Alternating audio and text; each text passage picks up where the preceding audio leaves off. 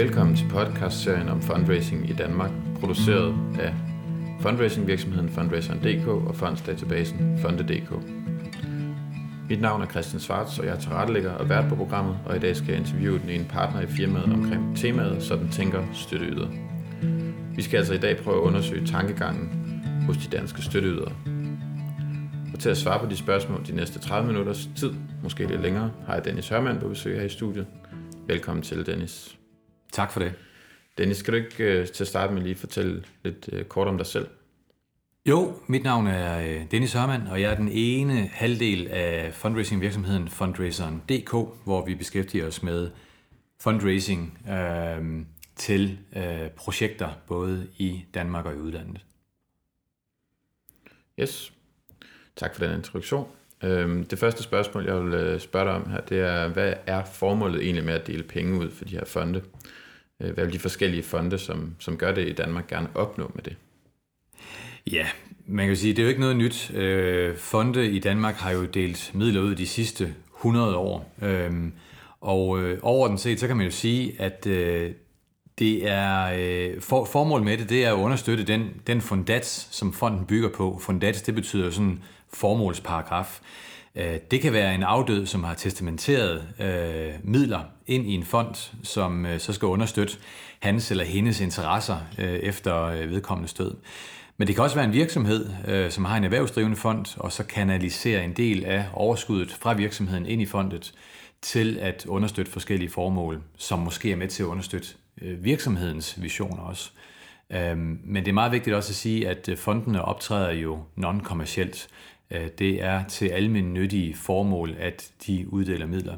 Og det kan være kunst og kultur, det kan være det sociale område, det kan være uddannelse, øh, det kan være til enkeltpersoner, det kan være til organisationer.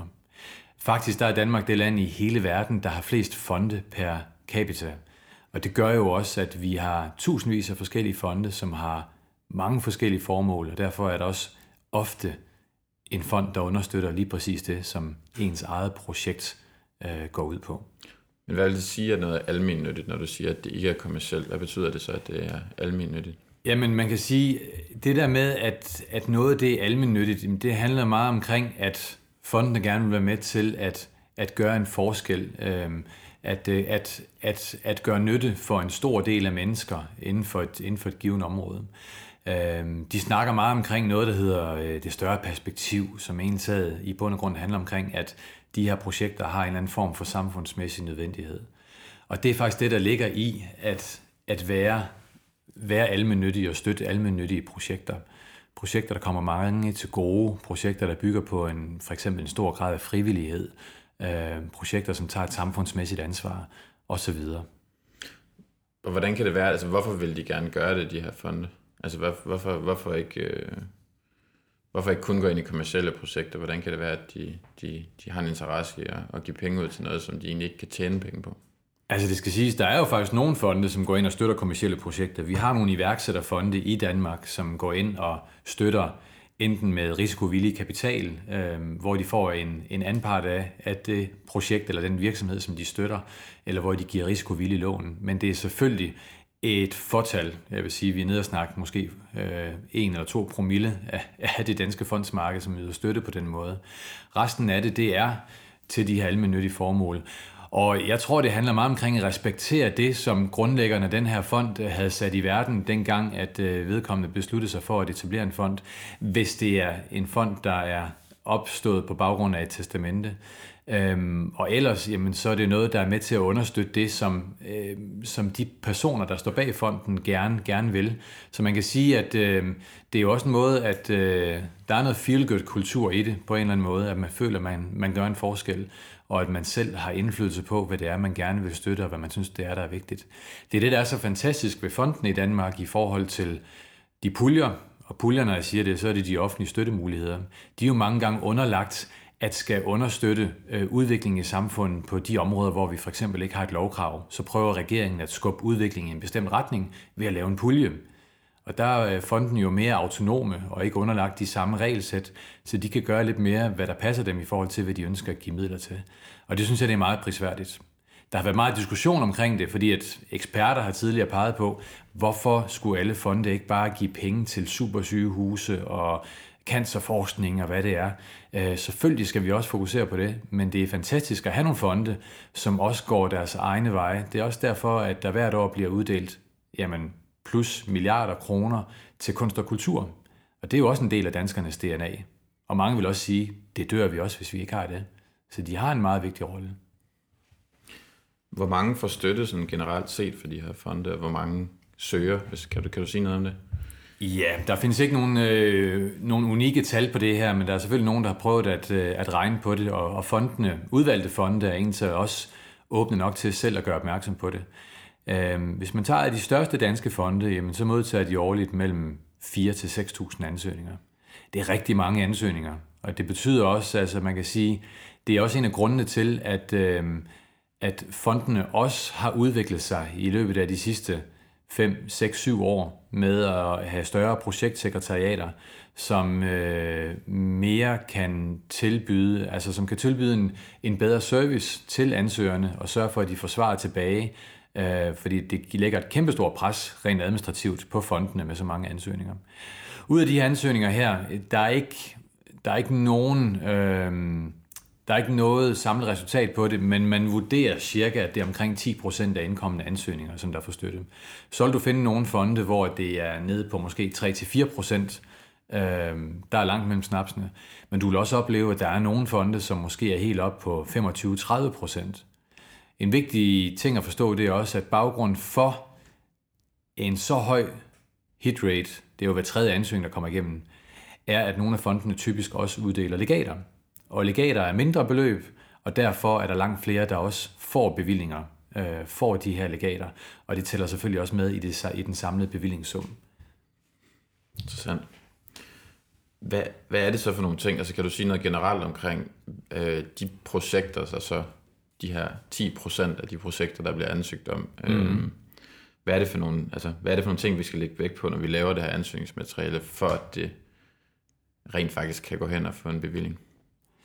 Nu ser du vist i starten, at vi kun har 30 minutter, så det, øh, det bliver svært at nå igennem.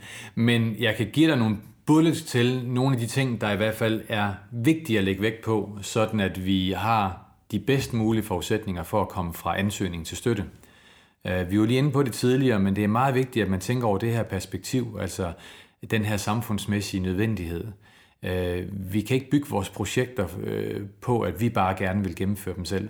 Det er meget vigtigt, at man prøver at vende øh, billedet 180 grader, og så tænke på, jamen, øh, er, er der overhovedet behov for det her? Hvad siger målgruppen? Er de interesseret i det? Øh, er der opbakning fra andre til projektet, øh, interessenter osv.? Øh, er det samfundsmæssigt aktuelt på nuværende tidspunkt? Understøtter det øh, problemstillinger, udfordringer, tendenser i vores samfund? Øh, det er en vigtig ting. En anden vigtig ting, det er, at det ikke nok bare at have den gode idé. Vi skal også have kompetencerne til at kunne gennemføre projektet. Og derfor øh, bliver der også snakket meget omkring en høj faglig kvalitet. Og det er klart, at hvis du er ude og lave et frivilligt projekt og søger til en kajak, så er det måske ikke den faglige kvalitet, der er lige så nødvendigt øh, som i et, i et større projekt. Der er der så andre ting, der vil være vigtige i forhold til det frivillige aspekt osv. Men det er vigtigt, at vi har generelt set en faglighed, kompetencer, viden, erfaring til at kunne gennemføre projekterne. Fordi det giver også støtteyderen, fonden i det her tilfælde, en eller anden øh, ro i maven øh, omkring, at der er en stor sandsynlighed for, at vores projekt bliver en succes frem for en fiasko. Og der er de også blevet mere selektive med, hvilke projekter de går ind i. Og jeg vil våge den påstand, at i flere tilfælde, der betyder den faglige kvalitet, altså de mennesker, der er med i projektet, det kan betyde op mod halvdelen af grunden til, at du faktisk får støtte hvordan påviser man, altså hvordan viser man, hvem der er med i sådan et projekt? Er det gennem CV'er, eller er det på andre måder, eller hvad? Ja, jeg plejer, skriver man det? Jeg plejer at sige, altså, uh, less is more. Altså, sådan er det. Uh, sådan er det, hvis du sender en jobansøgning. Sådan er det også, hvis du sender en fondsansøgning. Du skal sende dem det, som de efterspørger selvfølgelig. Men du skal ikke klistre alt muligt til. CV'er vil jeg sige, hvis det er en projektleder for eksempel, hvis kompetencer er vigtige for at gennemføre projektet, så kan det være en god idé at vedlægge et CV. Vi ser det ofte, hvis det er inden for kunsten og kulturens verden, og der er en forestilling, der skal gennemføres, så vil man gerne se, hvem der er cast på det øh, på den forestilling. Hvem, har, øh, hvem er scenograf, øh, hvem er instruktør, øh, og så videre. Hvis det er nogen, der har nogle, øh, nogle CV'er, der er værd at snakke om, så er det en god idé at understøtte deres faglighed på den måde. Man kan også bare henvise til det i selve ansøgningen og sige, at vi vil gerne eftersende CV'er, hvis øh, fonden øh, ønsker at se dem. Men det man ellers kan gøre, det er at sørge for, at man i hvert fald i sin ansøgning, også i stedet for, altså man gør det, man personaliserer det mere. Så i stedet for, at du skriver, at vi har en projektleder, og så har vi dit og datten, så skriv, at det er projektleder, det er Søren Jensen. Og Søren han har erfaring inden for det her område her, og han har senest gennemført det her, bare på nogle få linjer, så viser man også, at der faktisk er mennesker bag. Hvad hvis der som partnerskaber, det er også en del af den? Øh... Så absolut. Og der kan man jo sige, at hvis øh, vi har et projekt, hvor vi gerne vil gennemføre nogle aktiviteter, men ikke selv har kompetencerne til det, så er det der, vi skal ud i byen og finde ud af, hvem kan hjælpe os med det her. Og det er også faglig kvalitet. Fordi der, hvor vi selv står svagt rent fagligt i projektet, det er jo der, hvor vi skal finde nogle komplementære kompetencer og erfaringer fra andre mennesker.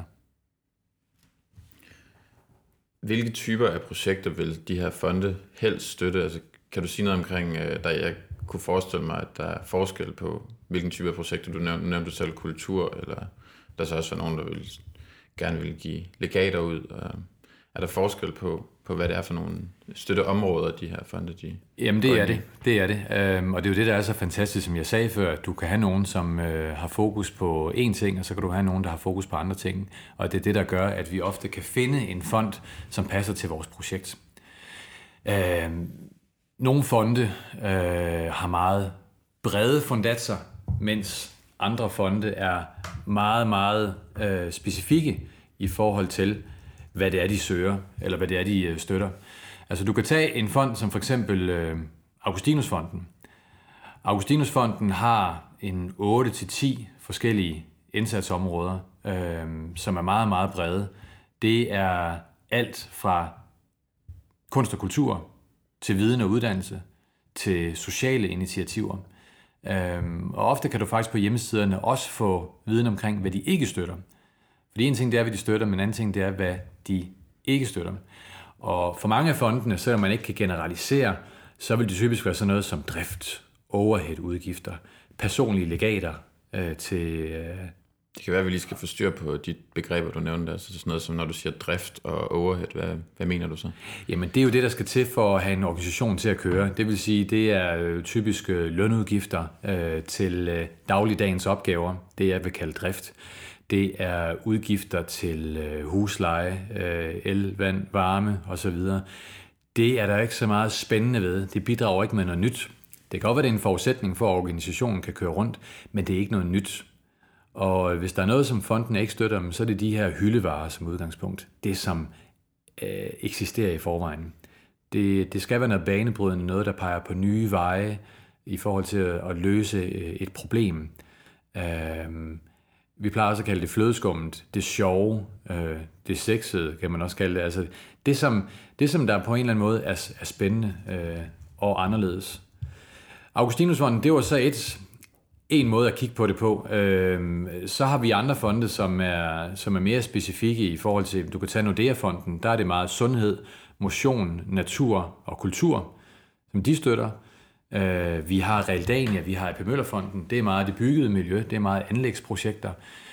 Øh, og så videre. Vi har Trykfonden, som øh, typisk ikke er øh, tangibelt, men mere intangibelt, ligesom Egmundfonden. Det vil sige, det er metoder, det er aktiviteter, til at kunne gennemføre øh, forskellige projekter øh, inden for forskellige områder. I Trykfondens tilfælde, det siger næsten sig selv, men det kan være noget inden for sikkerhed, noget inden for sundhed, noget inden for trivsel. Så det er meget, meget forskelligt. Og det er også derfor, det er så pokkers vigtigt, at man laver den første øvelse med at finde de rigtige fonde først. Fordi at man kan have et godt projekt, men søger du i de forkerte kasser, jamen så kan du også opleve meget nemt at få afslag.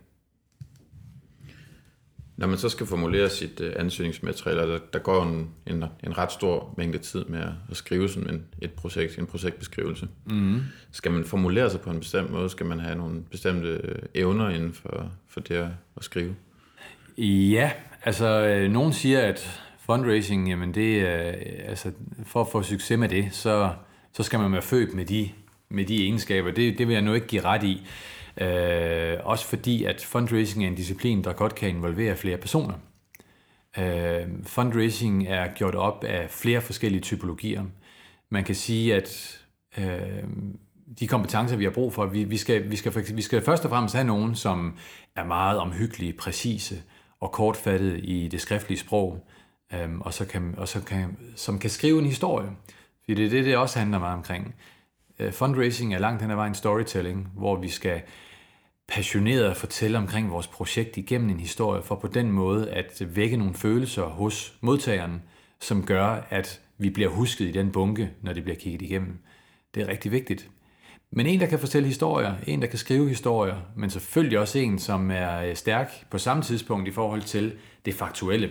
Øh, det er stadigvæk en vigtig del. Det må ikke bare være storytelling, det hele. Øh, det er en person. Så er der en anden person, som måske er meget talstærk og øh, talkyndig, øh, som vi kan bruge i forhold til øh, at lave vores budget- og finansieringsplan til at indhente øh, tilbud og alle de ting. Der ligger rigtig meget troværdighed i budgettene, øh, i de budgetter, som man vedlægger ansøgningen. Øh, endelig kan der også være en person, det kan godt være den samme person også, men det er igen en anden typologi.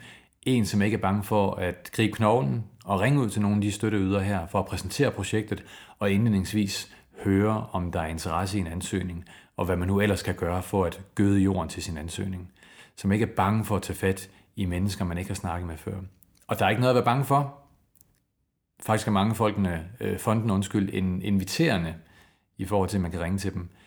Men der er stadigvæk nogle fordomme derude hos ansøgerne omkring, og kan jeg godt tillade mig det, og hvad siger de, og så videre. Så, øhm, så det, øh, det er nogle forskellige øh, typologier, som gør en god ansøger, hvis man kan sige det. Øhm, men det bringer mig også lige lidt videre til, til det, som du så siger omkring med, hvad det så er, at, at det egentlig så handler om, at, øhm, at, at der gør en god ansøgning. Øhm, fordi en god ansøgning i dag, nu sagde jeg det tidligere, less is more, altså det gør sig også gældende her. Udfordringen er jo mange gange at få skrevet det ned så kort og præcist som overhovedet muligt sørge for, at man ikke har lange snørklede sætninger, men at det meget er skåret ind til benet, at der ikke er gentagelser, at du kommer frem med dit budskab meget tidligt i forløbet, så du ikke skal om på side 7 for at finde ud af, hvad det her det handler om. Øh, så der ligger mange, mange opgaver i øh, at øh, konstruere og opbygge ansøgningen på, på rigtig vis. Det kunne jeg snakke rigtig lang tid om. Men noget andet, jeg rigtig godt kunne tænke mig at vide noget om, det er omkring det her med ansøgningsmaterialet. Altså, hvordan skal man organisere det? Jeg, jeg kan forstå, at der er sådan nogle forskellige øh, elementer i sådan et ansøgningsmateriale, som man kan, man kan vedlægge både nogle bilag, men der er sådan en projektbeskrivelse, så er der måske også noget indledende. Altså, hvad er det for nogle forskellige øh, øh dokumenter, man, man vedlægger sådan en, sådan en ansøgning? Det er Altså det findes der 100 forskellige svar på, fordi at det afhænger fuldstændig af, hvem det er, du skal ud og søge midler hos. Derfor er det bedste råd i den her sammenhæng ensad at sige, følg de retningslinjer, som den enkelte støtteyder orienterer om via øh, sin hjemmeside osv. Problemet det er jo så bare, at omkring 6% af de danske fonde har en hjemmeside. Resten har ikke. Så hvordan skal du vide, hvad du skal sende til dem? Hvis det er en pulje, så er vi rimelig sikret, fordi at så er der et typisk et ansøgningsskema, vi skal svare på, og så fortæller de os, hvilke bilag vi skal uploade. Det er dejligt, det er trygt osv. Øhm, hos fondene er der ikke altid de her ansøgningsskemaer, de her elektroniske ansøgningsportaler, øh, eller bare et skema i et Word-dokument for eksempel. Øh, nogle har det, men det er langt fra det, som der er tilfældet hos alle. Nogle har så til gengæld nogle retningslinjer på hjemmesiden med, at ansøgningen ikke må være mere end tre sider og skal sendes i tre eksemplarer, eller hvad det nu kan være. Så følger man det.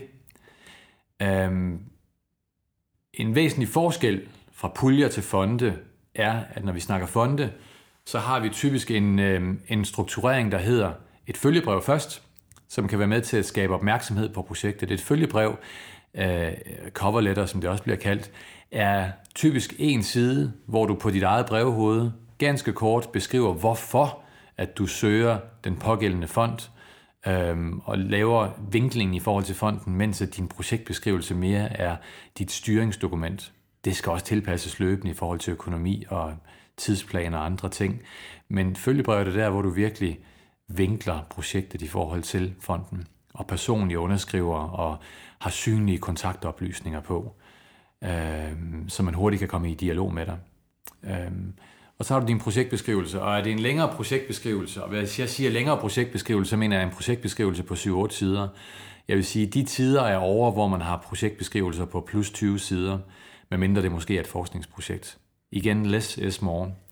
Og det vil så være en god idé også, hvis du har en projektbeskrivelse på de der plus en håndfuld sider, have et lille resume i starten, et executive summary, som kort fortæller, hvad det går ud på.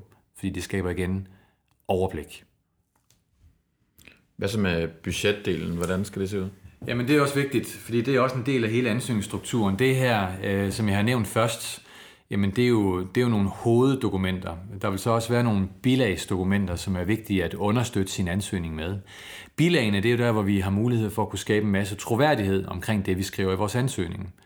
Så først og fremmest budget- og finansieringsplan, hvor vi skriver eller oplister de forskellige budgetposter, og hvor meget vi søger, og vigtigt, øh, at vi også skriver, hvordan vi har tænkt os at finansiere det. Det er der rigtig mange, der glemmer.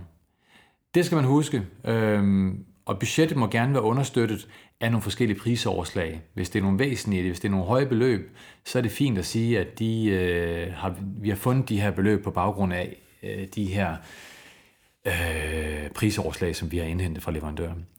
Og øh, ellers skal man jo vedlægge de bilag, som der bliver efterspurgt. Vi snakkede lidt om CV'er tidligere. Ja, hvis det er en forudsætning, øh, at den her person er med i projektet for at kunne gennemføre det, så kunne det måske være en god idé.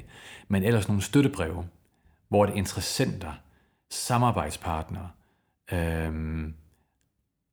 går ind og blåstempler projektet med deres navn og deres organisation og siger, at det her det er godt vi synes, at der er et behov for det her projekt på den den måde, og i øvrigt deltager vi på den og den måde, eller bidrager sådan og sådan.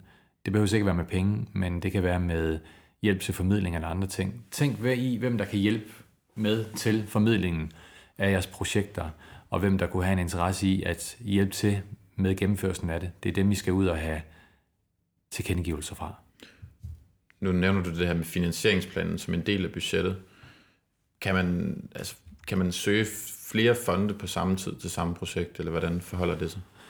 Ja, det er jo 1000 kroner spørgsmål, som kommer hver gang. Øhm, jeg plejer at sige, øhm, du må gerne fordele øh, dit finansieringsbehov ud på flere støtteydere. Du skal bare være sikker på, at du ikke søger det samme beløb flere steder. Altså, du prøver at dække dig ind flere forskellige steder. Forestil dig, at du har et projekt til 1 million kroner, eller til 2 millioner, og den 1 million, den skal du ud og finde eksternt. Og så laver du fem fondsansøgninger, søger en million hvert sted og håber på, at en vender tilbage. Det er no-go. Øhm, der er flere udfordringer ved det. Øhm, for det første, så tæller fondene ofte sammen, og det vækker irritation, hvis man prøver at dække sig ind flere forskellige steder. Så det dur ikke. Og det andet problem, det er, at hvis der nu ikke er mere end de her fem fonde i alt, så har du allerede spillet alle de kort, du har på hånden, i stedet for at bruge det strategisk. Og med strategisk mener jeg, at man indgår i en dialog med én fond ad gangen, hvis det er den her størrelsesorden, finde ud af, om de er interesseret i projektet. Hvis de er det, så må man sætte sin lid til, at der potentielt set også kan komme en, anden, en øh, bevilling ud af det. Øhm, får du bevillingen, så er det altid. Får du den ikke, så har du spildt noget tid, men du har trods alt stadigvæk gjort det på den rigtige måde, fordi du har også fået afslag for de andre fire højst sandsynligt, hvis du har søgt dem på samme tidspunkt. Så kan du gå videre til næste.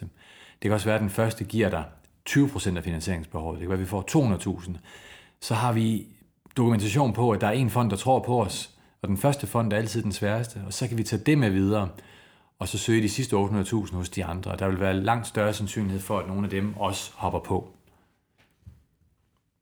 Nu nævnte du tidligere noget om, omkring det her med forberedelsen til, til ansøgningen, og det var en meget væsentlig del af det, at man satte sig ind i, hvad det er, de her fonde og, og puljer, de gerne vil støtte. Mm-hmm. Har du nogle øh, gode råd til den der research-fase ellers? Ja, altså det har jeg. Altså man, man kan sige, et rigtig godt råd i det hele taget, det er, hvis du har et projekt, som kun kan realiseres med eksterne midler, så lad være for guds skyld med at gå ind og lave øh, en fuld projektbeskrivelse og bruge 100 timer på det. Øh, det bedste du kan gøre, det er at prøve meget, meget tidligt i processen at finde ud af, er der overhovedet nogle støttemuligheder til det her? Øhm, og så lav en idébeskrivelse, og tage de her forskellige typologier med i sådan en arbejdsgruppe.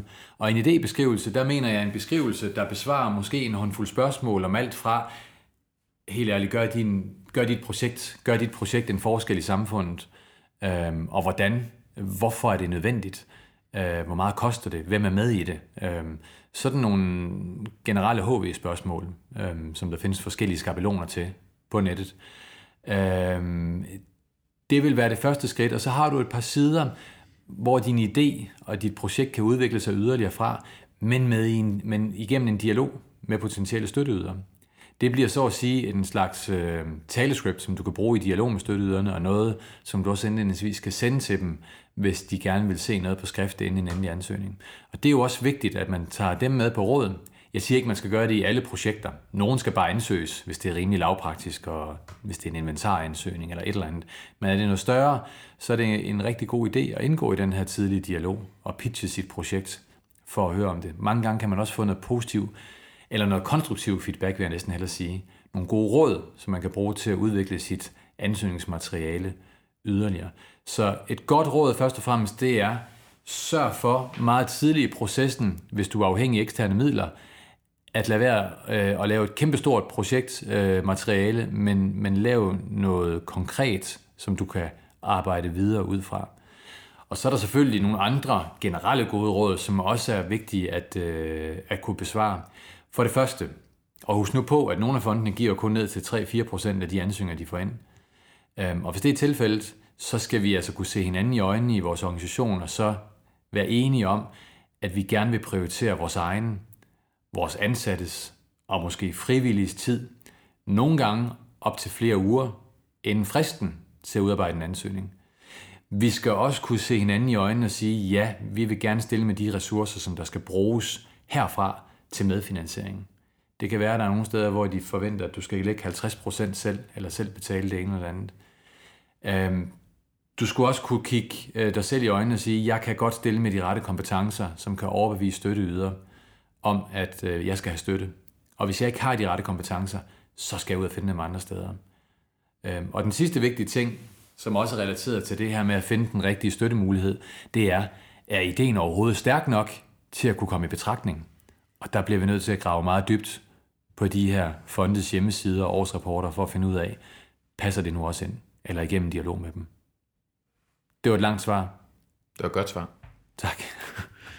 Hvem i fonden øh, bestemmer så, om man får en bevilling? Altså, der sidder nogle forskellige mennesker derinde. Ikke? De har både en administration, og så har de en bestyrelse, og, og nogle gange flere forskellige øh, gates, man skal igennem for endelig at få en bevilling. Det er rigtigt. Øhm, og, og man kan sige, som, som ansøger, der vil man, øhm, der vil man alt andet lige altid gå direkte til administrationen. Øhm, det er rigtigt, at det er bestyrelsen, som træffer den endelige beslutning. Det, der ofte sker, når vi sender en ansøgning ind, det er, at øh, administrationen, eller direktionen, hvis det er en lille fond, nogle gange sidder der bare en direktør, som også er administrator, øh, direktionen går ind og vurderer ansøgningen ud fra Øh, den måde, at de evaluerer ansøgninger på. Hvis det er et ansøgningsskema, man skal udfylde, så har man jo allerede svaret på, hvad det er, de evaluerer ud fra. Det er de spørgsmål, man besvarer. Men ellers så har de en måde at vurdere, hvad det er for nogen, de vil indstille til bestyrelsen. Og der er rigtig mange, der så tidligt i processen får et afslag. Enten igen fordi, altså jeg vil kalde det et administrativt afslag, fordi at øh, projektet simpelthen ikke ligger inden for den fundats, den formålsparagraf, som støtteyderen har. Og det er jo lidt fatalt, hvis man har brugt en del tid på at udfylde skemaer, men man ikke lige har gjort til ulejligheden med at grave lidt dybere på hjemmesiden for at finde ud af, hvad er det rent faktisk, at de støtter. Et godt eksempel, det er det Obiske Familiefond, øh, som støtter kunst. De får garanteret masser af ansøgninger, som omhandler kunst, som de ikke støtter, fordi at folk ikke har været inde og se, hvad er det så for en fire forskellige indsatsområder under kunst, at de støtter. Det kunne være det samme med kulturområdet inde hos Nordea-fonden, hvor folk også tænker, jamen ved du hvad, øh, vi søger det bare dem, fordi de støtter kultur. Men Nordea-fonden har rent faktisk en strategi på deres fire forskellige indsatsområder, som kører fra 16 til 18. Og det finder man ikke ud af, hvis man ikke graver dybt nok. Og sådan er det altså med en del af de fonde her. Så det kræver noget research at komme dertil. Så administrativt afslag, hvis det er så, at man ikke øh, gør sig den ulejlighed at undersøge det, det, det yderligere. Men det er bestyrelsen, som i sidste ende træffer beslutninger omkring, om man får støtte eller ej. Og som udgangspunkt er det no-go at gå til bestyrelsen. Hvis du forestiller dig, at du gik til bestyrelsen af en fond, hvordan vil det bestyrelsesmedlem så tænke? Øhm, svaret er højst sandsynligt, hvorfor går du ikke til vores administration? Det er indgangen til fonden. Jeg har faktisk selv været med til at ansætte de personer, der sidder der i. De er ganske kompetente. Øhm, så det, er, det kan blive opfattet som en måde øh, på, hvor, altså, hvor bestyrelsen tror, at, at man ikke har øh, tillid til dem, der sidder i administrationen. For ansøgerens side, der er det jo klart, der er det jo spørgsmål omkring, jamen hvis jeg lige får den pitchet ind til et bestyrelsesmedlem, så kan han også bare overrule andre beslutninger øh, til et fondsbestyrelsesmøde, og så give den støtte osv. Men det skader mere, end det gavner. Bestyrelsen kan man gå til, hvis man har en direkte øh, kontakt derind til. Øh, så kan man godt spørge omkring det, men man skal være ydmyg, og man skal være meget øh, ops på stadigvæk at orientere det pågældende bestyrelsesmedlem omkring, at vi går selvfølgelig den, den øh, formelle vej med den ansøgning. Så du siger, at man skal, man skal respektere de regler og den, øh, det hierarki, de selv har. Det skal man absolut gøre. Ja. Og det er jo også derfor, at der ikke er kontaktoplysninger på fondsbestyrelsesmedlemmer. Man kan finde mange ting, hvis man googler og krak og LinkedIn og det ene og det andet, men der er en grund til, at der ikke er kontaktoplysninger på de personer her. Det er fordi, at det ikke er meningen, man skal kontakte dem. Vi ringer til fonden. Alright. Øhm, andre grunde til afslag i sådan en, øh, i sådan en ansøgning her, nu sagde du, at man kunne få et administrativt afslag, fordi man simpelthen ikke har, har læst ordentligt op på, hvad det er øh, for nogle regler og krav, de stiller til, til et ansøgningsmateriale eller et projekt. Ja. Men kan der være andre grunde øh, indholdsmæssigt til Det kan der jo sagtens være. Et afslag? Øhm, det kan der jo sagtens være. Øhm, det skal også siges, at, at mange gange, der bliver vi simpelthen ikke klogere, fordi at øhm, vi ofte får de her afslagsbreve her, som er, som er ubegrundet, hvor der står, desværre, øh, det blev ikke dig. Det var altså et godt projekt. Øhm, vi ønsker dig held og lykke, og du er velkommen til at søge en anden gang. Lidt ligesom et afslag på, øh, på et job, som man har ansøgt. Og det er jo der, hvor jobansøgere, ligesom fondsansøgere, gerne vil have noget konstruktiv kritik, feedback, så vi kan blive bedre til det. Men den viden, den får vi altså ofte ikke. Og hvis vi ringer ind øh, til fonden for at spørge, hvorfor der vi har fået afslag, hvilket i øvrigt mange de gør, men det er det virker lidt øv at gøre det. Øh, fordi man er selvfølgelig følelsesmæssigt påvirket. Jeg har verdens bedste projekt. Det har fået afslag. Det kan ikke passe. Hvad sker der? Øhm, hvis man ringer ind, så vil man ofte også få at vide, jamen vi begrunder ikke. Der er alt for mange ansøgninger. Nogle gange får man også at vide, øh, bestyrelsen træffede desværre et andet valg. Det står nogle gange i afslagsbreve. Det positive ved det, det er jo, at du er jo kommet igennem det første nåleøje. Du har været inde på bestyrelsens spor. Øhm, så øh, der kan man måske godt tillade sig lige at ringe til fonden for at prøve at høre, om man kunne få lov til at genansøge, hvis man ændrer nogle ting. Man skal bare finde ud af, hvad det er, man ændrer. Men, og det er jo en så her, hvor guld ligger meget i den her podcast, det er de her begrundelser, man ikke hører. Og det er jo noget, som vi kender lidt til, eller en hel del vil jeg næsten sige, fordi vi holder rigtig mange workshops, kurser og uddannelser i fundraising hos fundraising.dk, hvor vi også inviterer forskellige fonde og støtteyder ind til at fortælle deres historie, hvad de er sat i verden for. Og de er ikke blege for at fortælle, hvorfor det er, de giver afslag. Og der er faktisk en rød tråd øh, imellem, hvad, hvad grundene de er. Øh, en af grundene er øh, utroværdige budgetter. Vi snakkede tidligere om troværdighed i budgetterne, men utroværdige budgetter. Og det er budgetter, der øh, primært er oppustet, hvor man har sat alt for mange penge af til at gennemføre de aktiviteter, man, man planlægger. Øhm, og det er måske, fordi man ikke har øh, en jordisk idé omkring, hvad det koster at gennemføre det her. Og det er derfor, det er vigtigt, hvis vi ikke ved det, så går vi ud og spørger i markedet. Vi understøtter det med nogle prisoverslag, nogle tilbud osv. Øh, hvis det er et anlægsprojekt, så er det måske svært at få et prisoverslag på på en stor ny øh, science-bygning, for at tage det eksempel. Men måske bruger vi en anerkendt arkitekt, der har lavet lignende projekter, og derfor ved, hvad en kvadratmeter pris koster. Så det kan også være de her fagligheder, der fortæller, at kvadratmeterpriser koster det og det. Øh, det ligger der også noget i, noget, øh, noget troværdighed i. Budgetterne kan også være nedjusteret. Det er også nogle gange noget, der kan give afslag, at, at det simpelthen virker utroværdigt, at man skulle gennemføre øh, så meget kvalitet for så få penge. Måske man, fordi man som ansøger er ydmyg og ikke tør sætte budgettet op på den anden side af 100.000, fordi vi kan holde os lige under. Men en ansøgning handler jo ikke om et godt tilbud. En ansøgning handler jo omkring at have et øh, projektbudget, der kan gøre en forskel. Og derfor koster tingene det, de koster. Man skal ikke tænke på det der med at, med at, øh, med at udlade lidt hister her, for at holde det under et vist niveau. Øh, det koster det, det koster. Ikke mere og ikke mindre. Andre begrundelser til afslag kan være noget med, at man ikke har defineret målgrupper godt nok, man ikke har defineret succeskriterier godt nok. Husk på, at mange af de her fonde i dag efterspørger effekt af projekterne. Det vil sige, at vi skal gå fra et niveau til et andet niveau øh, i projektet. Øh, positivt set, vi skal gennemføre nogle aktiviteter, der skal kunne give os nogle gode resultater. Og at vi skal have nogle, nogle målbare mål, nogle milepæle for at kunne måle det på en eller anden måde.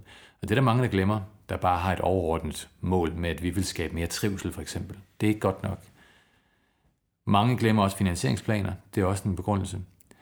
Og så den sidste ting, jeg vil nævne, og jeg ved godt, det er lidt udvidet svar det her, men det er vigtigt at orientere om, hvad de her grunde til afslagene det er. En af grundene, det er også øh, en ukritisk brug af eksterne fundraiser. Og det er jo sådan nogle, det er sådan banditter som mig, der sidder her. Øhm, det der er med det, det er, at det at kalde sig fundraiser er ikke en beskyttet titel i Danmark i dag. Alle kan kalde sig det. Man kan i princippet bare trække øh, en uddannelse i automaten, og så kalde, og så kalde sig det. Ikke anderledes, end hvis du skal uddanne dig til coach og andre ting. Og der er en masse fordomme i forhold til de her titler, øh, og det kan jeg godt forstå, fordi der er kæmpe forskel i fundraisers i det her tilfælde, i deres kompetencer og erfaringer. Og derfor er mit gode råd til folk, der vil bruge eksterne fundraiser, fordi det kan være en rigtig god idé. Du behøver ikke kalde det fundraiser, du kan kalde det projektrådgiver, konsulent, et eller andet, så det er lige pludselig ikke så øh, negativt mere.